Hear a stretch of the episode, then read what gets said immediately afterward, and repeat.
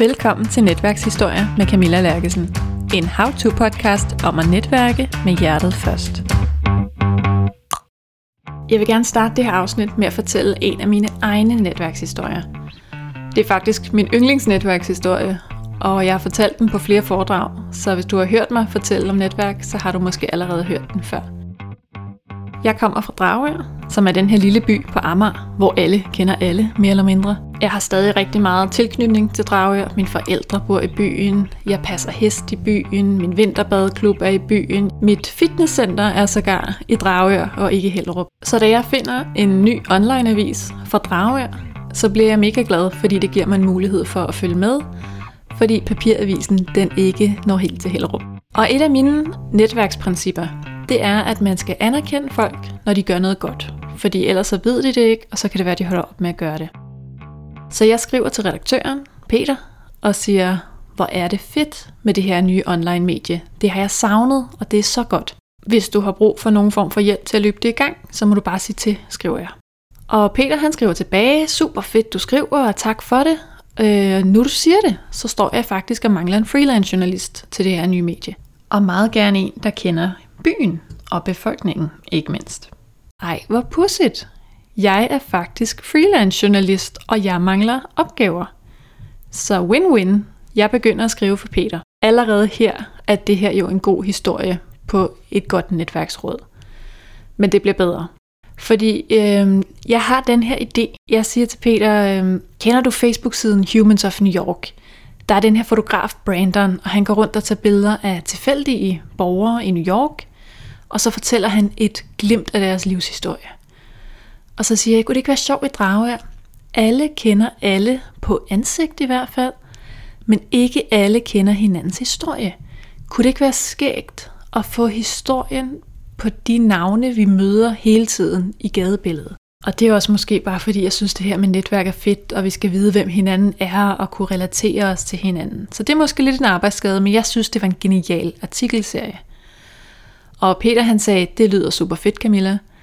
Det er bare lidt mere nice to have end need to have. Og vi er et nystartet medie. Jeg har simpelthen ikke råd til sådan en artikelserie. Jeg har ikke råd til at prioritere det. Okay. Men jeg er så hugt på den her idé, at jeg siger, okay, hvis jeg nu skriver dem alligevel, gider du så udgive dem? Og det siger han selvfølgelig ja til, for det er gratis indhold. Og det er ikke fordi, man skal levere gratis indhold for at netværke, og der er også rigtig mange, der vil sige, at det er forkert at levere gratis indhold på den måde. Men jeg så bare et potentiale her, jeg var nødt til at prøve af i praksis. Og fordi jeg ved, hvad netværk kan, så kunne jeg se, at det her, det kan give mig noget andet end penge i kassen. Så jeg begynder at interviewe forskellige lokale mennesker. Hver gang jeg har interviewet en, så spørger jeg, hvem de vil anbefale mig at interviewe næste gang. Og på et tidspunkt, så er der en, der foreslår Christoffer Sø fra Drage Ungdomsskole. Og ham kender jeg jo godt. Jeg har jo selv gået på Dragør Ungdomsskole. Jeg kan godt huske ham, han var også leder dengang. Så jeg tager op på skolen, og vi laver et interview, Christoffer og jeg, og han fortæller om sig selv og sin historie og sine visioner for udelivet i Dragør Ungdomsskole. Og det bliver en super fed artikel. Og mens vi sidder der og taler, så øh, fortæller han om flere af de aktiviteter, de har i Drage Ungdomsskole. Og jeg noterer ned, og jeg går tilbage til Peter og siger, er der noget af det her, vi skal lave nogle artikler på? Det er til gengæld need to have materiale, jeg er kommet i besiddelse af her. Fordi der sker rigtig mange aktuelle ting i Drage Ungdomsskole. Og forældre kan i øvrigt godt lide at læse om deres egne børn, så de her artikler de giver faktisk en ret god klikrate oven i købet.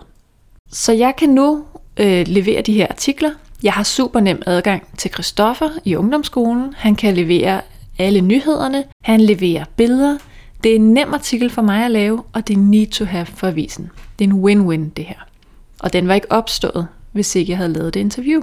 Så allerede her har jeg faktisk tjent min artikelserie hjem igen, selvom jeg leverede den gratis.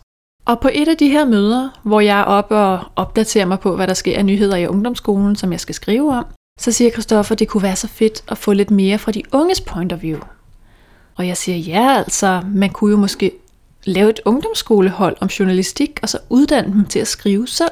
Det vil jo lette opgaven for os, og det vil, det vil måske aktivere nogle unge ind i journalistikken, og det kunne være et sjovt ungdomsskolehold. Og en sidehistorie til det er, at jeg længe før det her, altså flere år før det her, faktisk sendte en mail og skrev til Christoffer og spurgte, eller skrev til ungdomsskolen, og spurgte om ikke vi skulle lave et hold, hvor jeg underviste i journalistik. Men på det her tidspunkt, der øh, er mailen gået i glemmebogen, og de har overhovedet ikke kunne huske, hvem jeg er, og at jeg har gået der før, og de har måske ikke manglet nye hold. Så der skete ikke mere med det. Men nu, siger Christoffer, det er jo genialt, vi skal have et hold i journalistik. Og så kigger han på mig og siger, hey Camilla, kunne du egentlig ikke undervise i det? Og jeg siger, hallo Christoffer, det er da det, jeg kan. Og så begynder jeg at undervise et øh, hold i ungdomsskolen i journalistik. Vi laver selvfølgelig den aftale med lokalavisen, at vi kan udgive alt det, vi skriver i avisen, så de unge kan få deres helt egen unge sektion. Og så er det også et lille, øhm, man kan sige et lille lokalt projekt for avisen at engagere sig i. Igen, win-win, hvis jeg selv skal sige det. Så går der noget tid, så siger Christoffer, jeg går sådan og mangler nogen til at stå for sociale medier på ungdomsskolen. Det er bare et par timer om ugen, men var det noget? Og jeg er jo selvstændig retoriker, så det er jo i den grad noget. Så jeg begynder at arbejde nogle timer om ugen i ungdomsskolen. Og øh, her møder jeg Martin, og Martin han er naturvejleder i ungdomsskolen. Og jeg bliver rigtig glad for Martin, og han bliver heldigvis rigtig glad for mig. Og i dag, der har vi været kærester i to år. Og jeg er faktisk lige for en måned siden flyttet tilbage til Dragør, for at komme tættere på de her jobs, jeg stadig har. Og selvfølgelig for at komme tættere på Martin og på mine forældre. Så det er full circle, vil jeg nærmest sige. Og jeg tror også, det er derfor, at det her afsnit, det betyder øh, ekstra meget for mig. Fordi Christoffer står som øh, helt exceptionel for mig inden for netværk. Og han tog det heldigvis også rigtig, rigtig pænt, da hans medarbejdere de blev kærester. Så det her er øh, et ganske særligt afsnit, ligesom alle de andre. Men det her, det er særligt på sin helt egen måde. Og nu skal du møde chefen i egen høje person. Byd rigtig hjertelig velkommen til Christoffer Sø. Og jeg skal også lige huske at, øh, at sige, at vi jo sidder her på øh, skolen, hvor vi begge to arbejder. Ja. Så derfor så kan man godt høre sådan lidt øh, ryggen rundt. Jeg tror, det er lærerværelset, der er ovenpå. Ja. De er ikke gode til at sidde stille, de der lærer. Der skal drikkes noget kaffe, Ja. og netbøkkes lidt hen over bordene. Ja. ja, så dem kan man lige høre. Yes. Og så er der måske noget rumklang. Vi sidder inde i sådan et helt næsten tomt klasselokale. Ja, Så ja. Men det er jo lidt sjovt, ikke? Jeg har jo gået her selv. mm. Og gået i ungdomsskolen selv. jo jo. Og du har fået rigtig meget ros, Camilla, af dit interview, øh, hvor, hvor de har jo bare set øh, Camilla, der har sådan været på skolen, men ikke rigtig så mange, der har sagt, sådan, Øj, hun er god til at interviewe hende Camilla der og sådan noget. Så siger jeg, ja, ja, hun er også professionel jo, siger jeg så og sådan noget. Gud, man er. Men så lige så så de jo en anden faglighed ved dig, ikke? Og, og så var der flere, der sagde, men det er jo bare lille Camilla. Jeg har jo haft hende herovre på, ja, ikke SFO'en, eller man hed det vel ikke dengang, men altså, eller på skolen og sådan noget, ikke? Så ja, ja, men hun er så blevet stor og voksen, og, eller voksen, ja. Ja. Jamen, der var faktisk en, der var over at sige sådan, jamen jeg kan godt huske, jeg havde dig, men du var jo så stille dengang. Ja. Jeg tænkte, det er jeg sgu da stadig. Ja, ja. men Jo. jeg kan godt interviewe. Ja, det er du rigtig god til. Mere af det. Ja, mere af det. Og det får jeg jo lov til nu. Det kan være, du også skal sætte lidt ord på, øh, hvad man laver som leder i en ungdomsskole. Det er ikke sikkert, at alle lige ved det, Nej. og kan se for sig, hvordan netværk det spiller ind.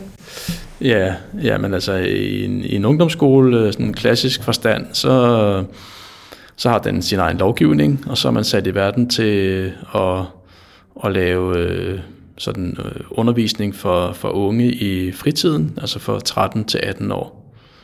Og det vil jo sige, at det er efter skoletid, eller i weekender, eller i ferier. Og det kan være spansk og dansk og tysk og øh, computer eller film eller teater eller knald og køreskole. Og, så det er både sådan øh, boglige fag, men det kan også være kreafag. Vi har jo øh, kan være billedkunst, og det kan være teater og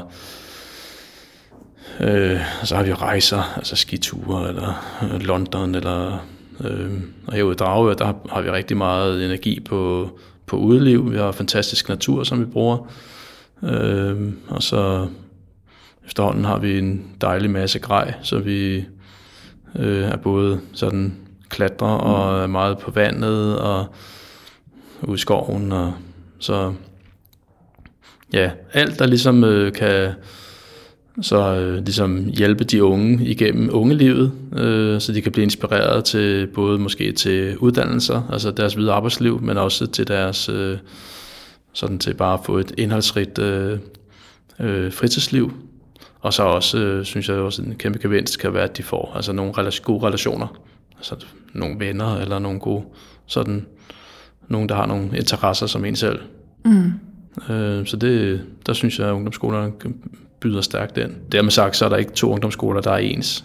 I andre kommuner, der er kæmpe, kæmpe store ungdomsskoler med ja, ungdomsboliger og SSP og altså, alle mulige afarter. Øh, så, og herude har vi kastet os specielt over friluftslivet, men også folkeskolen.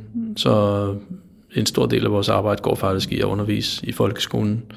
Der har vi jo ansat en, øh, vi så heldige, vi har ansat øh, en naturvejleder og en friluftsvejleder, som bruger en del af deres tid på at undervise faktisk alle klasser i Dragør fra 0. til 10. klasse. Så de møder os øh, flere gange om året, hvor så enten vi tager ud og kajakker, eller laver bålmad, eller snitter, eller cykler, kigger på naturen.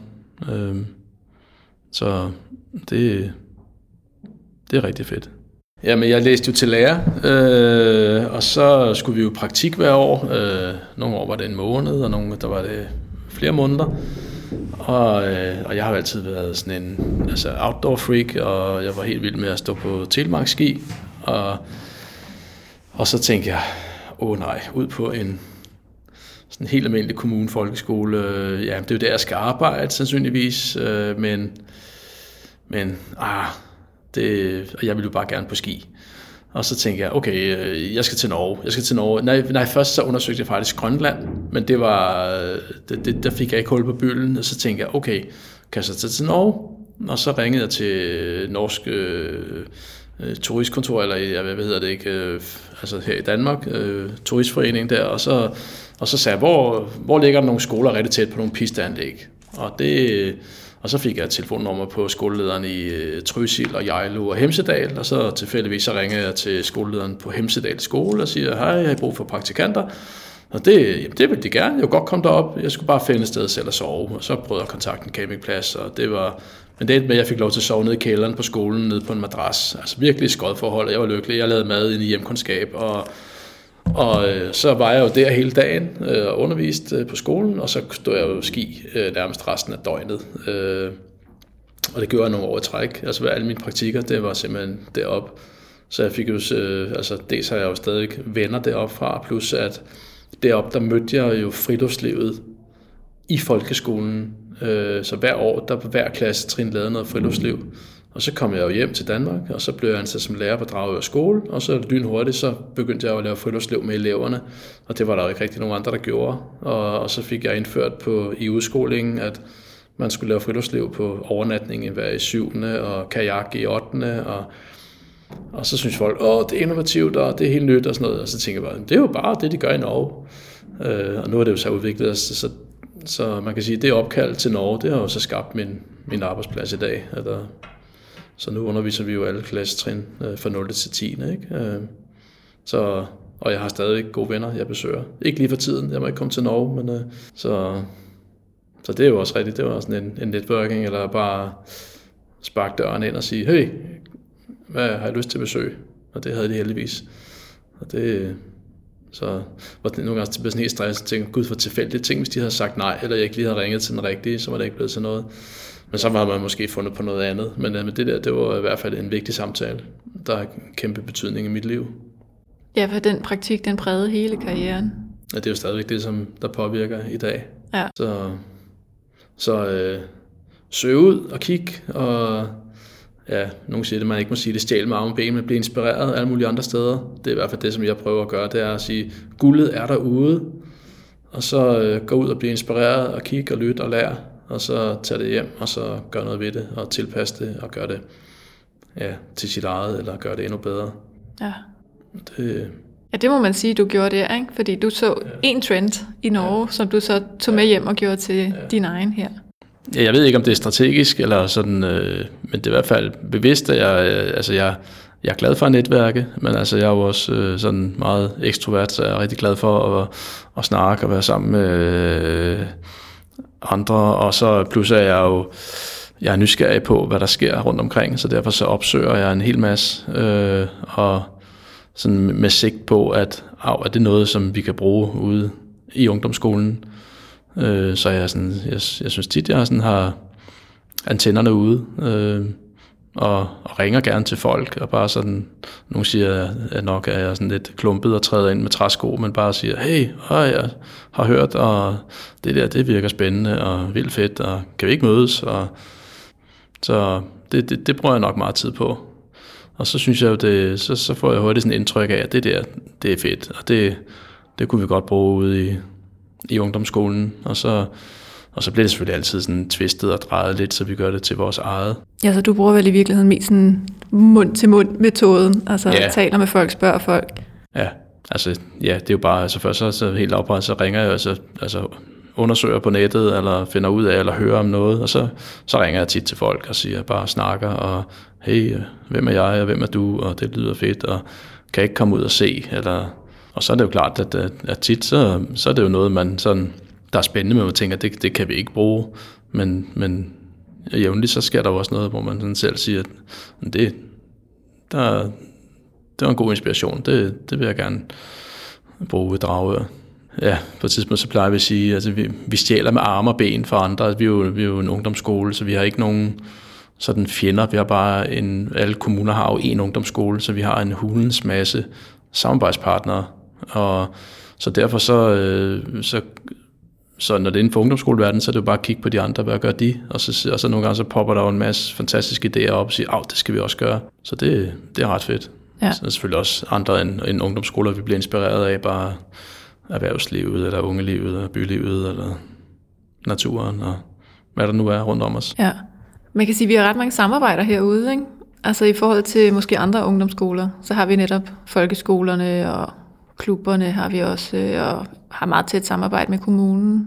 Altså jeg, jeg, jeg har sådan lidt øh, tænker på, hvor, hvor vi havnet der, hvor, hvor vi er nu. Øh, der er blandt andet drage, og der var faktisk øh, Ja, der var en, en, en gammel, øh, sådan et gammelt krudthus, militært hus, øh, som, som så var ungdomsskolen, og der var et kontor og et værksted, og resten, det stod bare sådan helt råt, og jeg tænkte, det var ikke særlig hyggeligt, og så jeg, jeg, jeg opgav simpelthen tanken om at lave ungdomsskole der, og så flyttede jeg mig ned med en bærbar computer og en mobiltelefon, og sad ned på et lærerværelse, og jeg havde ingen kontor, jeg havde ingenting. Og det var simpelthen ungdomsskolen, så vi var bare sådan virtuelle, sådan, inden at det blev sådan rigtig smart. Og så så fik jeg et, øh, et kontor på et tidspunkt op på en af skolerne, Stamholby skole. Og det, det var jeg rigtig glad for, men, men, men faktisk fordelen ved, at vi ikke havde noget hus, det var, at vi har aldrig haft nok i os selv. Jeg har, jeg har været tvunget til at søge samarbejder ud, fordi vi ikke har haft... Jeg kunne forestille mig, hvis jeg havde et, et fedt hus, det, det, og det, det ville også være dejligt, men, men så havde vi bare lavet det hele inde bag væggene, hvor nu har vi, nu er vi blevet trænet i at søge ud og sige, hvem er gode? Vi vil gerne lave det her. Hvem er gode til det? Så kontakter vi dem, og så gør vi det sammen med dem. Altså et eksempel, de gamle dage, jeg tror ikke, man gør mere, men gamle dage, så lavede man meget sådan noget movie night. Altså det var sådan, ungerne selv nogle madrasser, og så ind i et klasselokale, og så øh, så man nogle film der hen over natten. Og øh, det, det gav ikke nogen mening for os, fordi vi havde jo ikke nogen lokaler, så vi, vi kontaktede biografen, og så lavede vi movie night nede i biografen. Og det var, fordi det var dem, der var bedst til at vise film. Og det er bare sådan et, for mig sådan et, står som et eksempel på, hvad det er, vi gør hele vejen rundt. Og det er, fordi vi ikke selv har de der fysiske faciliteter eller rammer, så søger vi derud, hvor, øh, ja, hvor det er godt. Det er måske også derfor, vi er blevet så gode til udlivet, fordi der er en fantastisk natur i Dragør, øh, og den bruger vi øh, hele tiden og på alle der kanter. Men også øh, altså, øh, kontakt til foreningslivet, der kan man jo sige, det er jo også måske være en, en skjult dagsorden for os, det er, hvis vi kan samarbejde med, med spejderne eller med kajakklubben, jamen så, så kan vi jo få skubbet nogle, nogle elever den vej, og det, så har de jo et godt unge liv, hvis de kommer videre det er jo til foreningslivet. Og, og det samme med, med, med virksomheder. Altså så kan de jo måske hen ad vejen få nogle praktikanter eller unge medarbejdere. Og så så de, de har jo også nogle gode rammer ud i virksomhederne. Mm.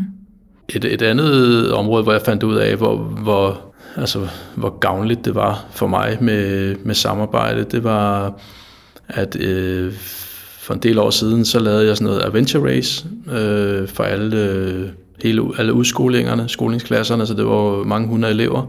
Og så havde jeg simpelthen ikke råd til at lave bemandede poster, jeg manglede en masse hænder. Og så sådan helt lavpraktisk, så tænker jeg, okay, så går jeg ned og stemmer dørklokker ned på lokalarkivet og biblioteket og museet og alle sådan de offentlige institutioner for at sige, og det der egentlig på det tidspunkt var min agenda, det var at få gratis arbejdskraft. Og sige, kan I se ind i det her? Og så laver vi, og det vil de gerne. De ville rigtig gerne have den besøgende indenfor. Altså sådan, deres motivation var, så kunne de jo lige på en dag få 600 besøgende, øh, og jeg kunne få øh, et adventureløb op at køre, øh, sådan øh, i 0 kroner i lønninger.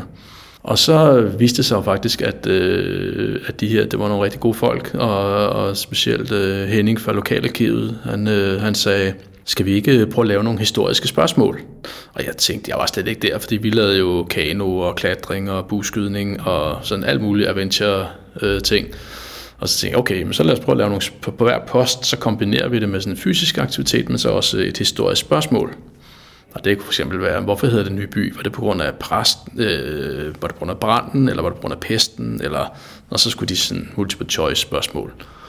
Og så efterfølgende, så var lærerne helt op at køre og synes bare, ah, det er fantastisk mand, så får vi også noget historisk viden. Og jeg tænkte bare, det er jo bare sådan et, det er bare et spørgsmål. Altså, men der var noget det med historie. Så satte vi os ned, museet og lokalarkivet også øh, efterfølgende, og så sagde vi, hvad, hvad, hvad kan det her historie? Og så opfandt vi det, som vi i dag øh, er rigtig stolte af, altså vores historieløb, øh, hvor at øh, vi faktisk droppede adventureløbet. Vi har samme ramme, men, men øh, i dag så har vi for eksempel øh, Flugten, som handler om jødernes flugt øh, via fra Dragør til Sverige under 2. verdenskrig, øh, hvor alle øh, eleverne så spiller øh, jødiske familier, der flygter, og vi er så alt fra politifolk til tyske soldater, øh, der jagter dem rundt i byen, og så lærer de jo bare på den fedeste måde historieundervisning. Vi har også øh, koldkrigstema ude på Kongelundsfortet fra 1962, hvor de tyske soldater, eller de er danske soldater, og så kommer russerne med et skib og er ved at bryde 12 grænsen, og så skal vi ligesom gøre klar til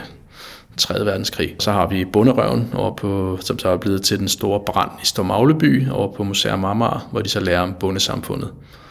Og, og det er jo simpelthen takket være det her networking, og så dukker der bare noget op lige pludselig. Altså øh, det vi lærte her, det var, altså vi havde hver sin faglighed, men så, og så, øh, lige så gik det op for os, vi, vi skabte sammen en ny faglighed, øh, sådan helt lavpraktisk, så, øh, så, så er jeg meget sådan, jeg, det, det er måske stadigvæk, men sådan meget actionpræget, åh oh, fedt mand, så skal vi have fuld knald på, og så skal vi have og så siger museet, ja, men øh, det er meget, meget spændende, Kristoffer, men, men øh, den der dims var altså ikke opfundet dengang. Åh, oh, for søren da.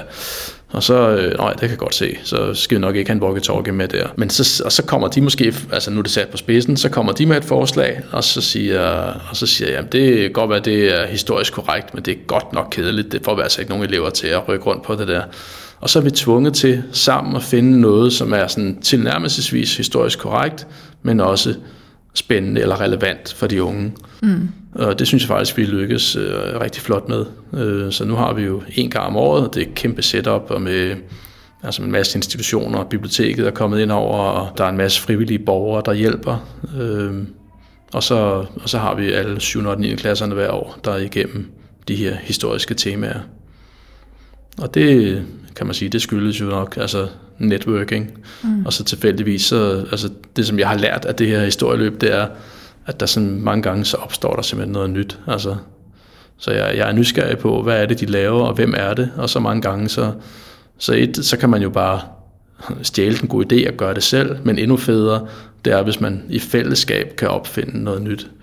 Og det er jo ikke altid, man har tid og energi til det, men når det lykkes, så synes jeg, så er det rigtig fedt, fordi så, vi har jo kun en, eller vi har jo vores faglighed, men nogle andre har jo en hel masse andre øh, fagligheder og værdier og syn på tingene, og det, og det synes jeg bare, det, det lærer jeg en masse af, og der kommer noget spændende ud af det i den anden ende. Ja, vi har faktisk også et meget fedt samarbejde med dem nede fra Badeanstalten.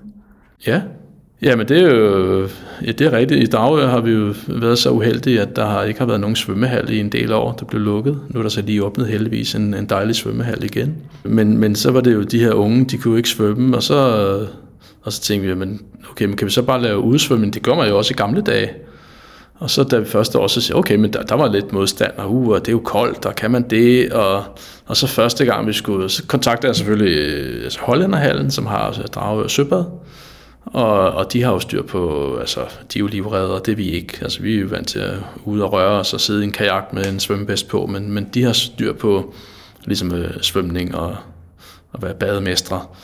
Øh, og de var helt friske på øh, det her. Altså, og så, øh, så satte vi det i værk, men jeg kan godt se, at der var dels nogle politikere, der sådan var lidt, hvad er det for noget, og nogle forældre og nogle borgere, og hvad nu det, og det er jo koldt, det er altid koldt i Danmark, og der var sådan lidt sådan, men det, det er der jo tit, når man starter noget nyt op. Og så øh, første gang, vi havde undervisning, så tog jeg ned og kiggede, og så stod der bare en helt pøbel af forældre, der stod og holdt øje, så tænkte jeg bare, oh my god, nu er der bare kontroltjek, og, og hvad, nu håber jeg altså det heller.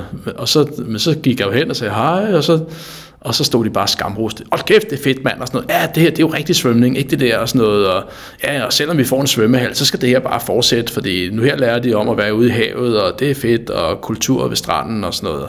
Og så tænker jeg, nå, puha, det var dejligt, fordi så der var slet ikke modstand, sådan, øh, som jeg havde frygtet. Øhm, og, og i dag har vi jo en svømmehal. Derfor har vi så valgt at, at bibeholde. Nu, før var det så en hel uge, hvor de sådan skulle prøve at lære at svømme. Det var jo ikke alle, der lærte det, men de fik i hvert fald en uge nede ved vandet for at lære at svømme. Men nu har vi bibeholdt en dag om året, så for nu får de jo almindelig svømmeundervisning indendør i varmen, men så har vi en dag nede ved søbadet. Og derudover har vi faktisk også øh, en dag om vinteren med vinterbadning. Øh, så der har vi 20 klasser om ugen der nede, så får de lige en time, de hopper i. Det er selvfølgelig ikke alle, der hopper i, men det er faktisk, altså i hvert fald har indtryk af, at det er tre fjerde del af alle eleverne, som det er da ret sejt. Øh, men det er jo skyldes nok også, at der, der er en kæmpe, jeg tror, jeg ved ikke, om jeg tror, det er Dragøs største forening. Øh, jeg tror, der, der er, jeg ved ikke, nærmest 2.000 medlemmer, men der er ret mange, der er medlemmer i, i vinterbaderne der, og så, mm. øh, så det er ret flot. Så det vil jo sige, det er deres forældre og bedste forældre, som er nede og bade. Så, så, det, så det holder vi fast i, vinterbadning. Ja. Tror du ikke også, det er, når det er sådan en lille by, at der er, altså, der er sådan en god grobund for netværk? Og man kan næsten ikke lade være, fordi alle kender alle. Jo, øh, det tror jeg. Altså det, det hele, det finder man jo ud af, at det hele hænger sammen. Øh, så det er jo sådan, øh, altså det er en anden by. Nogen siger på godt og ondt. Jeg vælger at tage fat i det gode, og, altså, og, øh, fordi så finder man jo ud af, at øh, nå, men ham, der arbejder der, jamen det er også ham, der er i den der forening, og så er han også der, og, og man behøver jo ikke være enige om det hele. Øh, sådan er det selvfølgelig. Øh, og så, så det, men, men jeg tror, hvis man skal agere i Dragør, så, så bliver man nødt til ligesom at altså, ja, altså, ja, netværke og få det, få det bedste ud af det. Mm. Jo, for man kan selvfølgelig godt holde sig meget, meget anonym, men lige så snart du engagerer dig i noget, så, så er du også på kortet, kan man sige. Ja, ja, og der er jeg selvfølgelig i sådan en, en, en offentlig rolle, og nogle gange så laver jeg jo også nogle fejlskud, og altså nogle ting, hvor at, så kan det jo være i, i stor skala, og så betyder det jo, at, at det forstyrrer ligesom, hvordan det plejer at være. Øh, og så er der nogen, der kan være der kan være ja, sure eller ked af det, eller synes, det er underligt. Øhm, jeg synes, at jeg, jeg prøver bare at sige, at, at, at, at alt, at, at de ting, vi laver, de, de, de har et formål, og så må man være tro mod det, og det, det, det kan de fleste anerkende. Også selvom øh, altså man er uenig, så kan man godt se, at ja, for mig, jeg synes bare, det er surt, at der er en hel masse, der vandrer forbi her, men jeg kan da godt se, at det er en god idé, at folkesundheden kan stige, at vi, nu er det for eksempel for Aminoen, som øh, ja, det er jo ikke mig, der har opfundet Aminoen, men er med til at, at udfærdige den, og der er jo, vi er jo blevet væltet, væltet i besøgende på Aminoen, som vandrer enten fra Dragør til København eller omvendt. Og det er jo klart, at det kommer forbi en masse mennesker, som ikke har været vant til, at der har været en masse mennesker ude i naturen. Men omvendt så er det jo dejligt, at en masse folk, specielt her under corona, kan komme ud og bevæge sig og røre sig. Mm. Øhm, og så er det jo sådan en, en offentlig leder som mig, så nogle gange står lidt for skud. Ja. Men øhm, ja. Hvordan håndterer man så det? Øh, ja, det synes jeg er blevet bedre til. Altså det, det man blander sig i hvert fald ikke på Facebook. Nej. det, uha, det er jo, altså nogle gange så skal man jo enten lade være med at læse på Facebook, eller altså man, man skal tage det sådan, jeg ved ikke, man skal sige, altså professionelt. Øh, jeg vil ikke sige, at man skal tage det med distance, men altså jo, måske med en professionel distance, og så sige, altså ligesom, øh, jeg prøver i hvert fald, øh, jeg, har, jeg har meget brug for ligesom at forstå, hvorfor folk altså, er, bliver kede af det, eller hvad er det, de siger. Altså, der er en grund til, at de, de gør, som de, som de gør. Og, og så længe jeg ligesom kan, altså, så kan jeg godt forstå det, og så altså, prøver jeg i hvert fald at, at sætte mig ind i den ageren, og så er det ligesom om, så, har jeg, så, så gør det mig ikke som, altså så, så er det ikke bare fordi, jeg, altså for i starten, så kan det være, fordi så er man bange for at tro, at det, og synes, at jeg er en idiot. Altså det, men det er jo ikke, det er jo ikke derfor, det er jo fordi, at de føler, at det er irriterende, at der er der går og kigger ind i deres have, eller, eller hvad det nu er. Mm. Ja, det, ja, det synes jeg, det har jeg lært, altså det, og det, det, det er et vilkår med, med sådan et job. Ja. Og så synes jeg, det, det er vigtigt at prøve at anerkende det og forstå det. Altså nu, altså helt lavpraktisk har vi jo lige haft uh, lortesagen her, øh, med, ja. eller ja, altså, det gik lige viralt med, der, der, vi ved ikke, om det er en hundelort eller en menneskelort, men der er blevet lagt en lort i en garage øh, i sådan forbindelse med Amarminoen. Men det er sådan set, øh, jeg tænker, jeg underordnet, om det er en menneskelort eller ej. Det er i hvert fald til gene, og der er jo en masse, og det som jeg ser, det er jo, at det her, det berører en masse mennesker, som, som synes, der er rigtig mange, der synes, det er mega fedt med den her vandretur, men der er også nogen, der synes, det er generende, fordi det, at de synes, de var alene ude i naturen, og nu er der de pludselig rigtig mange mennesker. Det er det, som det, vi så har gjort nu. Nu har vi så åbnet en masse toiletter langs ruten.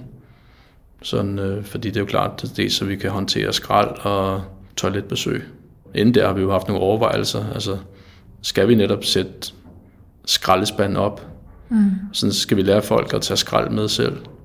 Eller, eller skal vi ikke sætte skraldespanden op? Altså, det er jo sådan en, en værdidebat, øh, der gerne skal tages. Øh, eller op med toilet. Men altså, det er jo...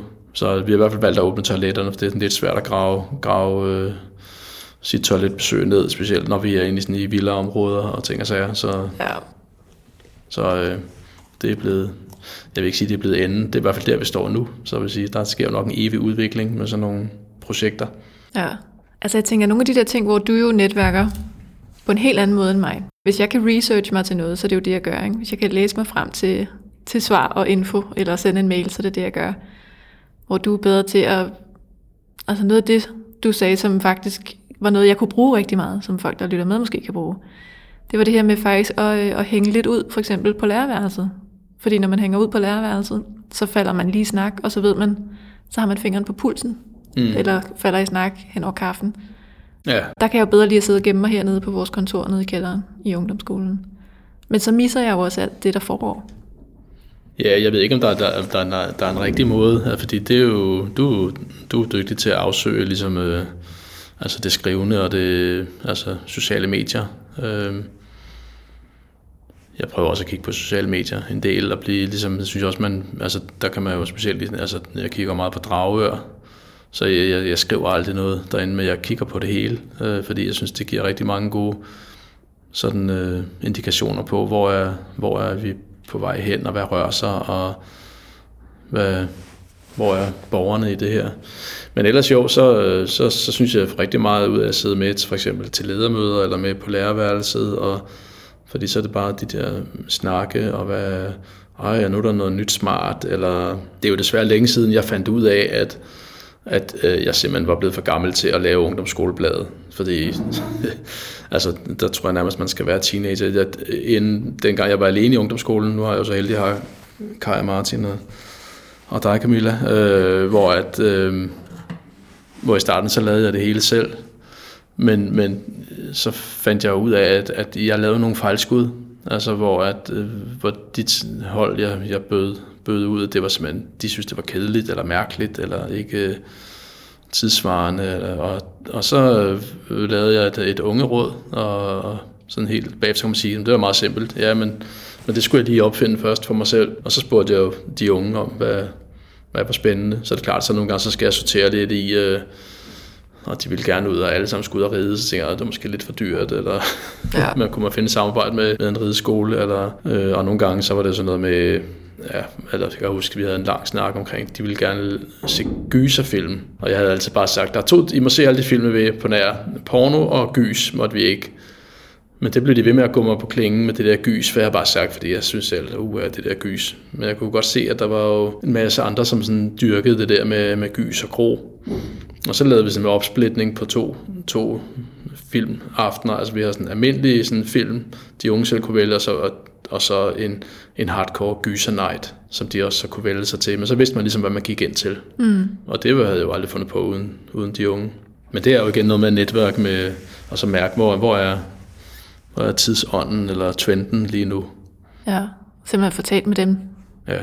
Og der kan man sige sådan med, med ungdomsskole, vi sætter jo en masse skibe i søen, og vi laver masser af fejlskud. Altså jeg kan huske med, med yoga, da det sådan var helt hot i starten, så lavede vi ungdomsskolehold med yoga. Men der var vi jo simpelthen for tidligt ude. Der var det kun de voksne, der lavede yoga. Det var møderne. Mm. Og der synes de unge, ah, det er sådan noget... Men så, gik der, så stoppede vi det, og så gik der et par år. Så blev det faktisk hot for de unge at lave yoga. Så det var egentlig... Der var det ikke noget, der kom nedefra, men det var ligesom de, det var, det var de voksne, og så, og så kunne man godt lave yogahold. Og sådan skifter det hele tiden. Øh, men det er noget med, det er jo sådan noget, jeg kan sidde og fornemme ja, på et lærerværelse, eller sammen, altså ude med klasserne, bare sidde og lytte i, i et frikvarter, eller hvad, hvad rører sig, og sådan, hvad synes de er spændende. Ja. Ja, så omkring sociale medier, og der er vi, hold nu op, mand. Det er jo derfor, vi har ansat dig jo. Men altså, det er jo, det går så stærkt, så der er helt, det er simpelthen opgivet. Altså, hvad er det, der rører sig ikke? Altså, jeg er jo, jeg er jo stadigvæk kun på Facebook, og der er jo ikke nogen unge mennesker, der er på Facebook. Det er jo blevet olde kolde. Ja, fuldstændig. Så, øh, ja, ja. Så, men det synes jeg, men det, det er jo bare, altså, det er jo bare at anerkende og sige, at det, det skal jeg ikke have styr på, så det, der skal bare være nogle dygtige folk, der har styr på det. Ja, så har vi jo faktisk lige haft et eksempel på, hvor netværk betød noget. Sidste uge, der havde vi Tessa i vores øh, online-studie for udskolingen. Der holdt hun oplæg for dem. Ja, Og hende tror jeg da kun, vi fik med, fordi jeg havde nogle kontakter og kendte hendes manager. Ja, det var fantastisk. Jeg kan se, jeg er jo, jeg er jo sådan nogle Facebook-grupper øh, med andre ungdomsskoler, og der, øh, og der er flere andre, som har prøvet at få kontaktet til sig og sagt, det, det kan man ikke. Det, det, øh, altså, det, som øh, vi arbejdede på, det var ligesom at kunne lave et interview med Tessa, og ikke, det skulle ikke være ligesom en koncert. Mm. Øh, og det har hun ikke lavet før. Øh, men vi synes jo, det var mega spændende at få hende ud, fordi øh, efter hun havde lavet i Deadline, lavet den nytårstale, øh, og ligesom blive nysgerrig på, de, hvad, som du selv siger, hvad gemmer sig bag de hårde ord, eller imellem linjerne. Mm. Ja, der har vi jo begge to øh, prøvet at ringe og sms'e og skrive, og med booker og alt muligt, og det, i flere omgange ved at give op, men øh, det lykkes i sidste ende for dig, Camilla, så og det er jeg da glad for, for det bliver jo mega fedt. Det var en kæmpe succes. Men det tror jeg, og det er jo ikke engang sådan noget nepotisme, fordi at de skyldte mig en, fordi jeg kendte dem, fordi så godt kender jeg dem jo ikke. Nej. Det tror jeg faktisk handlede mere om, at hun var tryg ved at komme her, fordi hun jo vidste, hvem eller hendes manager vidste, hvem jeg var, og hvad jeg står for, og min måde at være på og interviewe på. Mm. At de ligesom tænker, okay, vi skal ikke ud til en, der sådan overfalder med spørgsmål, der ikke skal stilles. Og Men der tror jeg også, vi har, jeg ved ikke, om vi har opfundet noget nyt, men vi har i hvert fald, altså det, nu har vi jo holdt fredagsforedrag for virtuelt for alle klasser i skolen her under den, den her anden covid-nedlukning. Øh, og de var, altså alle, det er jo sådan, altså semi og, og rigtige kendiser, vi har booket, og de er jo mere eller mindre arbejdsløse alle sammen. ja, Så de har jo med kysshånd taget imod øh, tilbud om at komme og, og fortælle og holde foredrag. Øh, selvfølgelig for penge, men øh, og, og der kan jeg da se, at altså, for eksempel efter Tessa, der er jo flere andre ungdomsskoler, som så har fået hul på bylden der. Altså, og det er jo klart, når hun har prøvet det her, så er hun måske mere tryg ved at lave sådan en form for foredrag. ja. Vi har også haft Simon Kvam ude. Det tror jeg da også øh, kun var fordi nogen fra musikskolen Ja, det er jo ham. fordi, han er forældre i kommunen, ikke? Og Ja. det, det, var, det var igennem musikskolen, der lige havde en kontakt den vej rundt. Så ja, så networking, øh, det, det er selvfølgelig, nogle gange, så skal man jo sikkert, og tænker, jeg, så skal man også kunne se ud over det, så, øh, og ikke kun øh, ringe til, det synes jeg heller ikke, vi har gjort, altså, men kun lige ringe til vennerne, eller Øh, men altså for eksempel, så, så havde vi jo øh, Sebastian Klein på. Mm. Men, det, men der, der så ringede jeg til ja, nogle altså kollegaer, nogle naturvejledere, altså inden for Naturstyrelsen og inden for øh, Tornby Kommune, der sidder nogle rigtig dygtige naturvejledere. Øh, og så ringede jeg og spurgte dem, om hvem kunne de anbefale. Øh, og de pegede begge to på Sebastian. Øh, og så kontaktede jeg ham, og han sagde, ja, jeg har intet at lave, mand. Jeg møg keder mig. Hvornår skal jeg komme? Ja. Og så har vi brugt ham et par gange, og han er sindssygt dygtig. Ja. Så det er jo sådan også øh, networking. Jeg vil ikke sige venne, men det er jo bare sådan kollega-networking. Ja, præcis. Anbefalinger den vej. Ja, det er jo, det er jo rigtig ret specielt til sådan noget foredrag der, fordi der, der, jeg har da brændt nallerne nogle gange ved at holde, vi holder jo mange foredrag sådan hen over årene, øh, og, og så nogle gange, så hvis man får et eller andet ukendt kort ud, som ingen har hørt, så har man læst en eller anden beskrivelse på en hjemmeside, og så siger man, okay, vi prøver det. Og så i praksis, så er det bare elendigt, eller pinligt, eller utilstedeligt, eller man nærmest må stoppe det, fordi det, det, er ikke, det er ikke for børn. ja. Og så, øh, så derfor så er jeg dejligt tryg ved, at, at hvis man nogen man, ligesom, man, man kender sådan enten fagligt eller igennem venner, eller, og så siger man, jeg har hørt eller set øh, den person. Så det, det kan jeg godt stå inden for. Og så, så synes jeg, det er lidt, lidt sikre, eller meget sikre at kaste sig ud i det og sige, okay, den kører vi med.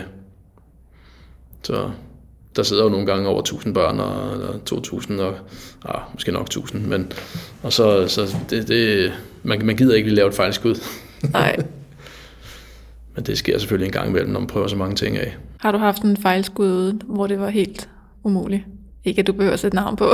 Nej, det kommer jeg ikke til. Ja, men det har vi, vi har, ja, hvor at jeg, jeg, fik, jeg fik ikke stoppet det, men jeg sad, altså det har jeg lovet mig selv efter det. Altså, vi havde en, som, ja, som skulle snakke om stoffer, og som selv havde prøvet at skulle fortælle om det, og, og det, det, var, det var meget navlebeskuende. Altså, og det var, det var elendigt, og bagefter, og, altså, jeg ved ikke, om vi fik tæv, men altså al evaluering bagefter, og tilbagemelding for, for klasser og for lærere, var bare det der, hold nu op, det var dårligt.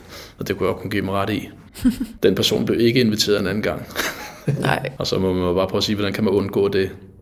Og det, det jeg prøver altid, der hvor jeg er mest sikker, det er, hvis, hvis jeg enten altså kan, altså kan netværke mig frem til nogen, som, som har hørt. Altså har du, har du været med til et foredrag med den person? Der er også nogle gange, hvor jeg siger, jeg, jeg kender en, og så er ja, han er meget sød. Jamen har du hørt hans foredrag? Jamen det har jeg ikke. Og tænker, ah, det er jo ikke sikkert, at han er god til at lave foredrag. Bare fordi han er sød? Nej, men nogle gange så bliver man nødt til at kaste sig ud i det. For eksempel har vi jo lige haft fantastisk samarbejde med biblioteket, øh, som så inviterede nogle forfattere. Og så blev jeg igen, så fik jeg igen den der i maven, sådan, åh, hvem er nu det? det var, jeg anede ikke, hvem det var, de der forfattere. Men altså, de var helt op at køre og sagde, det bliver vildt fedt, og vi har hørt den før. Okay, det er fint. Og så kørte og det blev rigtig godt. Ja, de var super gode. Så der skal man bare nogle gange læne sig tilbage og slippe kontrollen, ikke? og så sige, okay, det er de styr på. Ja, og så noget af det, som jeg kan blive sådan helt misundelig over, det er, at du er god til at få mange nye oplevelser, fordi du kan række ud til så mange mennesker og i øvrigt at give dem nogle oplevelser. Ikke? Du er god til at tage folk med ud. Så skal du ud og sejle og se et eller andet, og så tager du en ekspert med, der lige kan, kan guide, og så får du noget insiderviden, som man ikke, som vi andre ikke får, fordi vi ikke er så gode til at række ud. Altså jeg er nysgerrig på, på andre, og så, og så tænker jeg, altså jeg har jo nogle ting, jeg er dygtig til, men der er hulens masse ting, jeg er ikke dygtig til, men så kan jeg jo se, at vi har jo alle sammen noget, vi er gode til, og så der tror jeg bare, jeg er nysgerrig på det, og så at det er jo for eksempel, hvis vi sejler jo en del ud og ser på sæler ude ved Saltholm. Men hvis man kan få en marinebiolog med ud, øh, som bare har mega styr på det, så, så, så beriger det jo også mig. Og det, så det, det der, der, ja, det er rigtigt. Der, der kan jeg godt sætte sådan nogle ting op, og så ligesom at lave sådan nogle netværk og sige, så prøv det. Og nu for eksempel ham, Jakob her, marinebiologen, øh, som vi havde med ude, og jeg tænkte, det var, ja, det var et samarbejde med Verdens Naturfonden, og så, men så nu, nu prøver vi at arbejde på at lave et projekt på at, at lave nogle undervisningsmaterialer til folkeskolen og få øh, et projekt op at køre omkring det.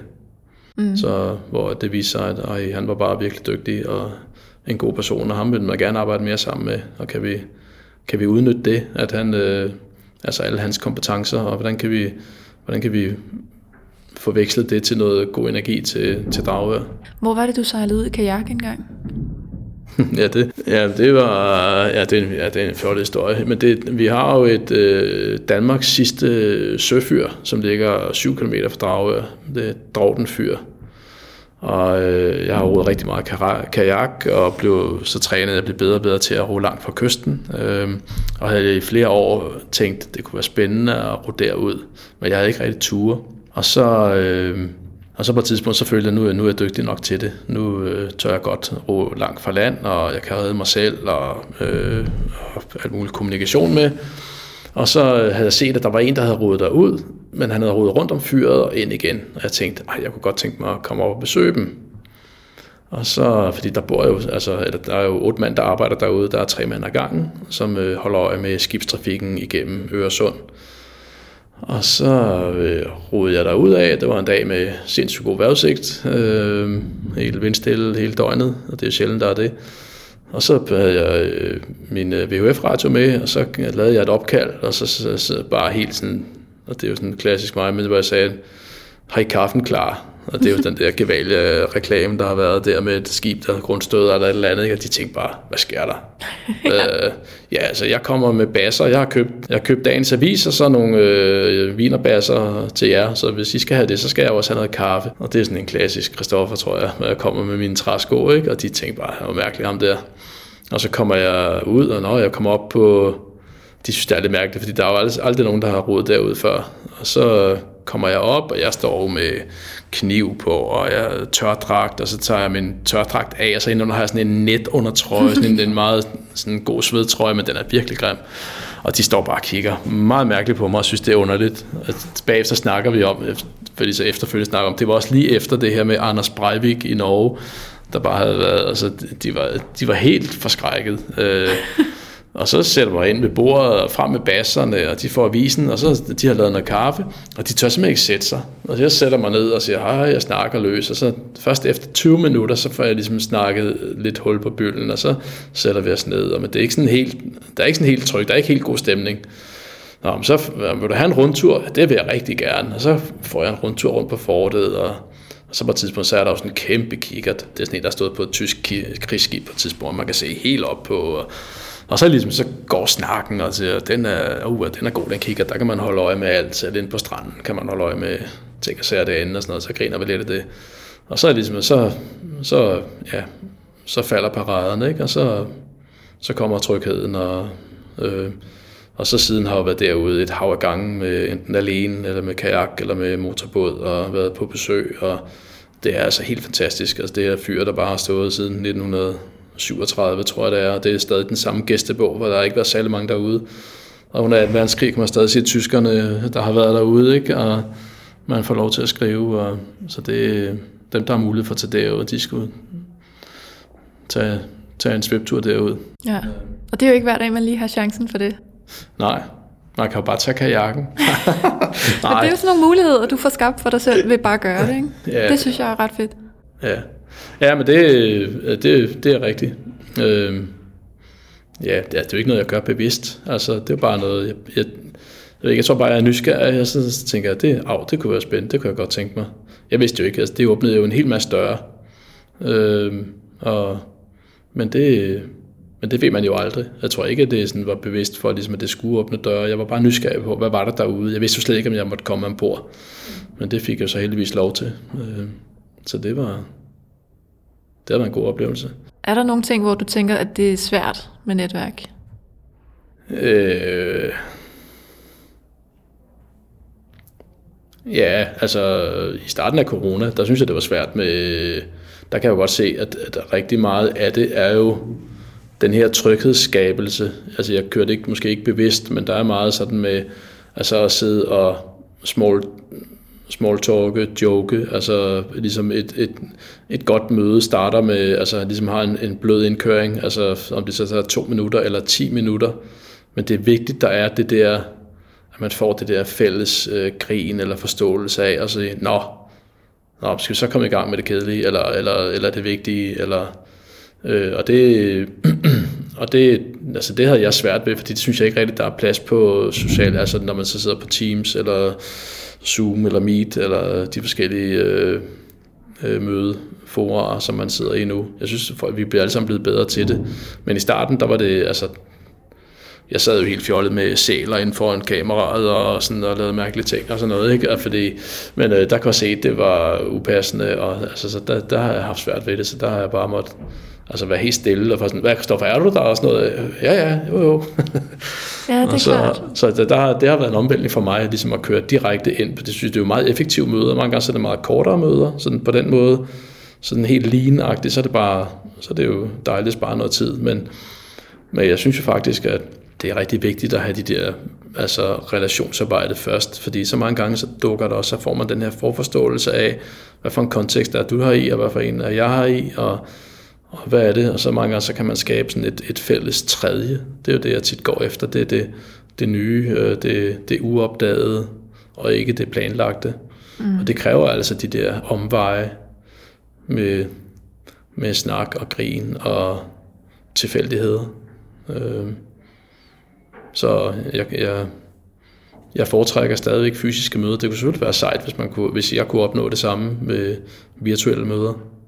Jeg kan jo se, at jeg kan jo komme meget længere ud i verden. Altså nu sidder jeg jo på en del teamsmøder med for eksempel alle øh, altså, ungdomsskoler fra hele landet.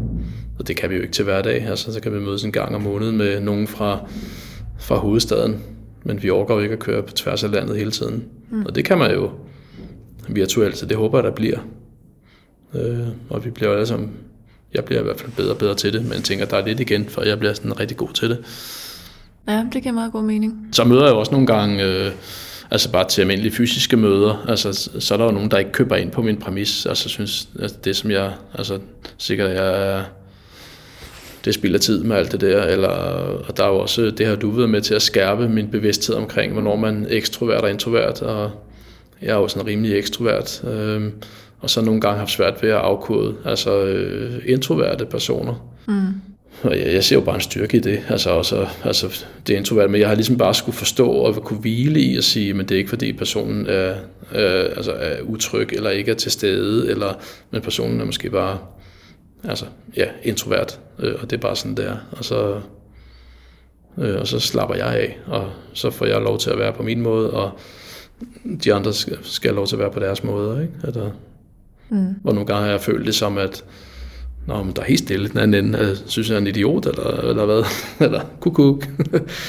og så det er jo bare, det er jo bare en, en måde at være på, men så er der jo også alle mulige andre, andre måder. Og så er der selvfølgelig også nogle gange bare noget med noget kemi, der ikke virker, eller så, så er det jo svært at være og netværk, hvis bare man, det kan være, der er noget dårlig historik, eller bare noget, vi kan jo alle sammen have en dårlig dag, eller et eller andet, ikke? Eller, Ja, ja, det er rigtigt. jo, så der er der en, nogle møder, hvor det, hvor man bagefter siger, at det var, det var spild af tid, eller Ja, der var ikke kemi. der var ingen kemi. Men jeg synes, det er jo også bare et vilkår ved at være så, altså jeg er jo så meget sådan undersøgende, sådan og, og skabende, altså ved altså bare finde ud af, hvad, altså nysgerrig på, hvad rører sig her, og så, og så, og det ser jeg ikke noget problem, altså jeg stod jo tit inde i sådan nogle dead ends og siger, nå, okay, nå, men det var, tak for mødet, eller, og der var så bagefter at sige, okay, det, den vej skal vi ikke, eller, og så, så må jeg søge videre efter noget andet. Og der synes jeg faktisk, det er meget sjovt, at vi også sådan kan supplere hinanden meget godt på kontoret. Ikke? Altså nu er Martin jo også meget introvert ligesom mig. Mm. Og der kan man jo se, der kan vi jo nogle gange holde dig lidt tilbage og sige, det, det, det lader vi være med, for det spiller tid, eller Ja, ja. det er ikke vigtigt. Og, og du kan skubbe lidt bag på os andre og sige, ved du hvad, prøv lige at snakke med dem. Jeg har nummeret her, jeg har trykket række op her. Nu har du telefonen i hånden. Og jeg tænker bare, fuck, det er det værste, du kan gøre. Men det er jo Ja. meget, nogle gange så er det også tiltrængt, ikke? Der Ja, sker men det ikke en skid, Camilla. Ring op, værsgo, du har den. Ja, ja nogle gange så tænker jeg bare, godt jeg ikke skal arbejde sammen med mig selv. Altså. ja, ja, vi er jo faktisk fire, fordi øh, ikke Myers-Briggs test, hvad hedder den, JLT-test, så øh, Kar og jeg, vi er jo ekstroverte og sådan slår rimelig ens ud, og Martin, han er jo diametralt modsat. Mm. Og det sjove er, at Martin, han er jo fuldstændig som min kone, så det er jo sådan lidt yin og yang. Og sådan rent sådan teoretisk, så, så burde vi slet ikke som, fungerer, som kontor fungere. Men jeg synes faktisk, at vi fungerer rigtig godt. Øh, og vi har de der, den der sådan modvægt, og der, altså der, der er plads til forskellighed, og så er det måske været en kæmpe fordel, du er kommet ind, for så har vi to, to yin og to yang. Eller, Ja. Og så nogle sige. gange, så skal jeg bare anerkende, at, at det går lidt for stærkt. Og nogle gange så er det bare god energi, og så lykkes der bare en hel masse ting hurtigt. Og så, ja. Så er det godt, at vi har personalemøder, hvor vi nogle gange lige kan trække vejret og sige, Nå, hvor er vi, og hvor skal vi hen? Det er klart den fedeste arbejdsplads, jeg har været på. Og selvom jeg kun er her fem timer om ugen, kan jeg godt lige være. Nå, men det er jeg glad for at høre. Tak. Så har vi også været meget godt omkring, tror jeg. Ja. Fedt. Hvad tænker du? tænker jeg, øh, altså jeg bliver glad for, at du spurgte, for jeg har jo ikke tænkt, jeg har jo ikke sådan tænkt på, at øh, jeg er god til, at, du siger, at du er så god til at netværke, eller det er jo bare det, jeg gør, eller men øh, så har tænkt over det, så ligesom jeg synes, det var svært at forberede sig til sådan et interview her, eller en samtale. Øh, men, men jeg har da i hvert fald tænkt, om det er, jo, det er nok, eller, men, men sådan sat lidt på spidsen, så synes jeg ikke, jeg er specielt god til særlig meget. Altså, eller, at, at det lyder sådan lidt hårdt. Jamen, altså, jamen, eller, øh, men, men i, i anerkendelse af det, så jeg har, jeg har brug for alle andres dygtigheder, altså, og, og skills, og så derfor så, øh, så, så derfor så, ja, så, kan man sige, så lever jeg networking, og, og, og vil altså, trække alt det gode ud af folk, og så sammen, så kan vi få, så kan vi skabe noget rigtig godt. Mm. Jeg synes, jeg kan se en masse kollegaer, som ligesom... Øh, som lukker døren, og så synes, at, at de skal, skal det hele selv. Altså, de skal kunne alt med regnskab og sociale medier og udvikling og det ene og det andet. Øh, og, og så tænker jeg bare, uh, hvor stressende. Altså, plus, øh, altså, det er de færreste, der kan være dygtige til, jeg kan i hvert fald ikke, altså kan være dygtig til alt. Jeg plejer at sige, jeg, jeg, skal, jeg skal kunne ansætte folk, der er dygtigere end mig selv, og, og, og så skal vi bare få noget rigtig godt ud af det, og det synes jeg faktisk øh, lykkes rigtig godt. Tak fordi du var med i hvert fald. Det var slet.